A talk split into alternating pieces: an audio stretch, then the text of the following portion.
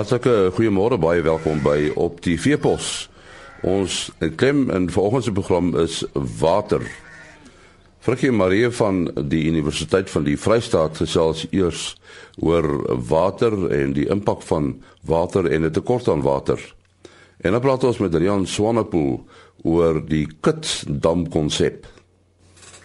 Ja, het al die term gehoor, daar's water. Nou ja, water is baie belangrik onnodig, onnodig om te sê vir al ons mense in 'n droogte situasie is. Dit is 'n uh, eintlik 'n omgewings-ekonomiese uh, en 'n sosiale kwessie. Uh, ons praat 'n bietjie met uh, veeplase vakadviseur vir plaasbestuur en finansies en hy is ook 'n dosent in landbouekonomie aan die Universiteit van die Vrystaat en dit is 'n uh, Frikkie Marie. Uh Frikkie, dis uh onnodig om te sê dat water is natuurlik kardinaal belangrik. Dit uh het 'n effek op baie terreine van die lewe, né? Nee? Ja, nee, dit is so en ek dink die belangrikheid van water het deur die jare al hoe meer na vore getree.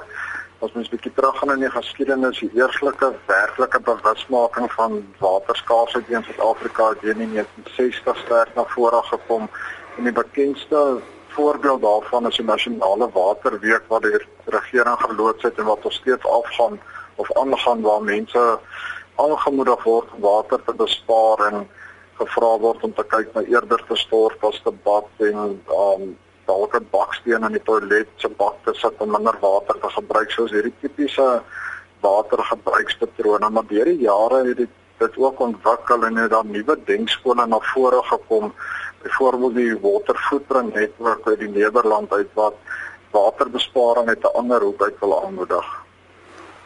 Uh, ek kyk nou na uh, die die besparing van elektrisiteit mense die ontwikkeling gesien van spesiale tipe gloeilampe ensovoorts ensovoorts. Het die mense dieselfde tegnologie gesien met water? Nee nee nee, nee rarig nie. Om water word maar nog steeds op dieselfde maniere gebruik.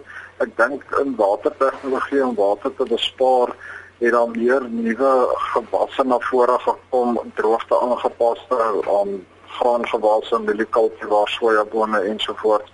Maar daar's nie regtig 'n manier wat jy water meer effektief kan gebruik soos in elektrisiteit waar jy LED gloeilamp in plaas van 'n gewone een kan gebruik hè.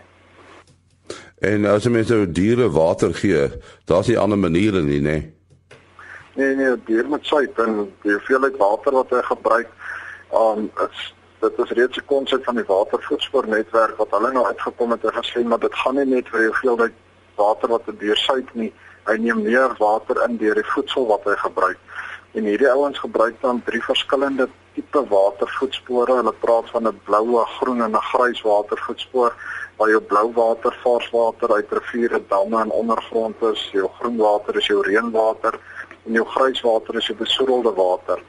En die gesamentlike aan watergebruik hier is dan die gesamentlike watergebruik van 'n dier of van 'n huishouding of van 'n persoon of 'n besigheid.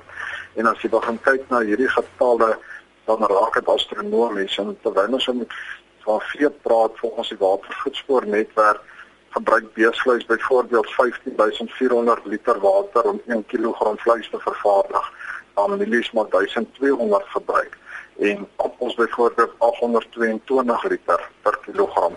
So die watervoetspoor netwerk gaan na uit om te sê indien verbruikers hulle die ete verander, minder vleis eet en dan meer stysels, groente en vrugte eet, gaan hulle minder water gebruik en dis so hulle die totale impak op die wêreld se waterbronne laer maak. Ja, dit pas natuurlik nie 'n veeboer nie, daai daai argument. Ja, dit pas nie 'n veeboer nie, dis hoekom hulle baie versigtig moet wees en dis waar die veral die sosiale en ekonomiese kwessie van water ook aankom. Indien ons op Suid-Afrika kyk, die grootste gedeelte van die land is net beskikbaar vir ekstensiewe vee of wildboerdery en indien ons nou hierdie syfers van valstaar en mense gaan aanmoedig om minder vleis te eet, gaan Suid-Afrika in ekonomiese en sosiale kwessies in hardloop want daar gaan um, daar nie meer 'n mark wees vir vleis nie. En as verbruikers gaan weggaan na ander alternatiewe voedselsoorte. So mense baie versigtig wees en en seker maak van jou van jou terme en waarvan jy praat voordat jy enigsins 'n aanmoedig gaan aanwakker laat verbruikers hulle die moet verander op grond van die hoeveelheid water wat in voedsel voorkom. Ja, Suid-Afrika kry 'n uh, sekere hoeveelheid reën per jaar. Dink jy dat ons ons uh, waterstoorkapasiteit al bereik het? Met ander woorde, het ons genoeg damme ensovoorts? Nee nee, nee ek dink glad nie so nie. Die probleem is die regering het nie geld om nog damme te bou nie. Ons stoorkapasiteit is hopeloos te laag aan ek praat onder korreksie, maar 'n paar jaar terug dra reën, ek wil nie sê vloek nie, maar redelik baie reën geval het en byvoorbeeld die Gariep en die Ganderkloof dam oorgeloop het, het hulle gepraat net in die tyd wat die twee damme oorgeloop het, het daar die kapasiteit van omtrent 7 Gariep damme se water in die see ingeloop wat opgevang kon geword het. So ons kort regtig damkapasiteit, maar die regering is nie op hierdie stadium om of kan dit nie op hierdie stadium bybring nie. Baie dankie Frikkie Maree. Hy is uh veeplaas se vakadviseur vir plaasbestuur en finansies. Ja, ons uh, gesels nog steeds oor uh, water. Jy het nou gehoor wat Frikkie Maree sê oor uh, oor damme dat die regering eintlik uh, te min damme tot dusver gebou het vanweë kostefaktore en so voorts. Maar uh, boere bou natuurlik ook damme op plase en uh, ons praat 'n bietjie nou met Rian Swanepoel van Maxiflex en uh, ons praat oor 'n konsep wat genoem word kitsdamme. Uh, wat beteken 'n kitsdam presies, Rian? Uh nee, dit is 'n uh, dit is 'n dam wat uh vervaardig is van uh van sinkpanele wat ons dan ehm um, rondbuig in die grootte wat die boere dit wil hê en dan installeer ons dit saam met 'n voering. Damme het gewoonlik so 50 jaar gehou, die die, die ou sinkdamme. En alle loters het alle produkte uitgehaal. Die ouer boere sal weet dat daai sink was was 'n grys sink uh want dit het 'n persentasie lood ingehaat. Maar alle loters het alle produkte uitgehaal soos brandstof en en sink. So die die sink wat ons vandag gebruik is hoë uh uh is is hoë gegolfde sink en uh uh um uh, is ge, uh, is gegolfde sink wat swaar versink is. So ons sit nou 'n voering ook nog binne in hierdie dam en dan kan ons dit op enige plek kan ons dit oprig en dit vat ons by party damme party damme sommer so 3 ure dan staan die dam gereed vir water.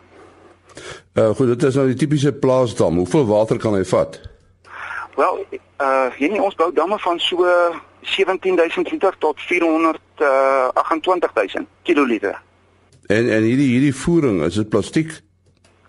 Uh dis nie plastiek nie, dit is so uh uh polyvinylkloried met 'n nylon basis doek wat aan die binnekant van hierdie voering is.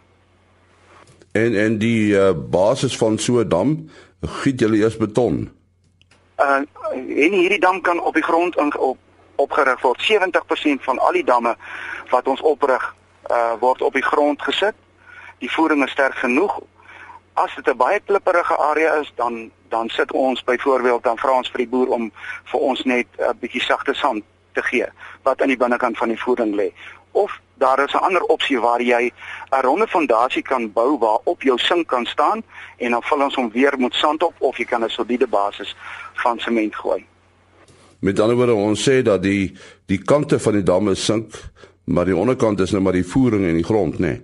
Ja, die voering in die grond. En ons gebruik ons gebruik daai selfde konsep ook vir vir uh uh gronddamme wat ons se voering insit. En natuurlik die terrein moet natuurlik redelik gelyk wees ons ons verkies 'n redelike uh gelyk terrein. Ehm um, maar ons ons uh uh ons kan die dam ook maak staan uh gelyk. Uh as die boer verkies om op op op die op die grond te sit. Nou hierdie soort damme, die die konsep kitsdamme, uh, is dit iets wat gewild word? Baie gewild. Ons het al bereken dat uh jou 42 uh kiloliter dam, jou 42000 liter dam is die materiaal voor voor vervoer en voor uh uh um voordat dit gebou is by die uh, by die verskaffer R4000 meer as die dam opgerig alreeds op die boerse plaas. So die dam is R4000 goedkoper as net die roumateriaal wat nog by die uh verskaffer lê. Ja, hierdie damme word natuurlik by windpompe gewoonlik opgerig. Uh gewoonlik dis dit dis nogal ideaal as die dam kan opgerig word naby die die voedingsbron. En en uh, jy sê die sink is gegalvaniseer. Hy uh, ja, ons gebruik 'n uh, 'n Z275 as ek dit so mag noem. Uh dit is swaar 'n swaar versinkte sinkplaat. Uh Rian, uh, as jy mens nou kyk na uh, beskikbare water as dit nou reën en so aan. Hoe doeltreffend is skutsdamme? En ek het 'n som gemaak. As jy 'n hektaar vat per vierkante meter, is daar 10000 vierkante meter in 'n hektaar. Dit beteken 'n hektaar is 100 meter by 100 meter.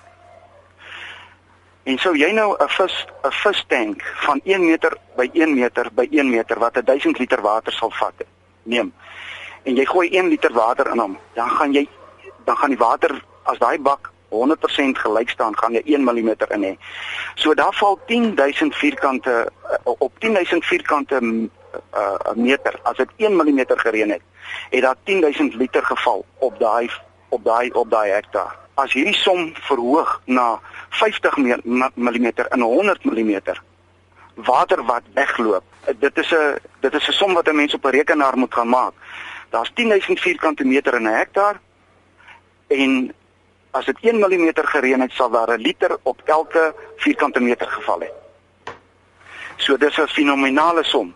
As dit werk miljoene liters water uit as dit 50 mm op jou plaas gereën het. As 'n mens daai water kon uh kanaliseer en dit in 'n gronddam kry, dan kan jy die onderaardse water verlig. Uh ek het al reeds twee sulke damme in Namibië gedoen van 64 meter by 64 by 3.5 diep wat so 14 miljoen liter water vat. Wat hulle in die sylope van die Kavango rivier insit. Dit was uh, Rian Swanepoel wat gesels het oor kitsdamme. daarmee ook die einde van die program. Ons is maandagooggend om 4:45 weer terug. Tot dan. Mooi dag. Ah.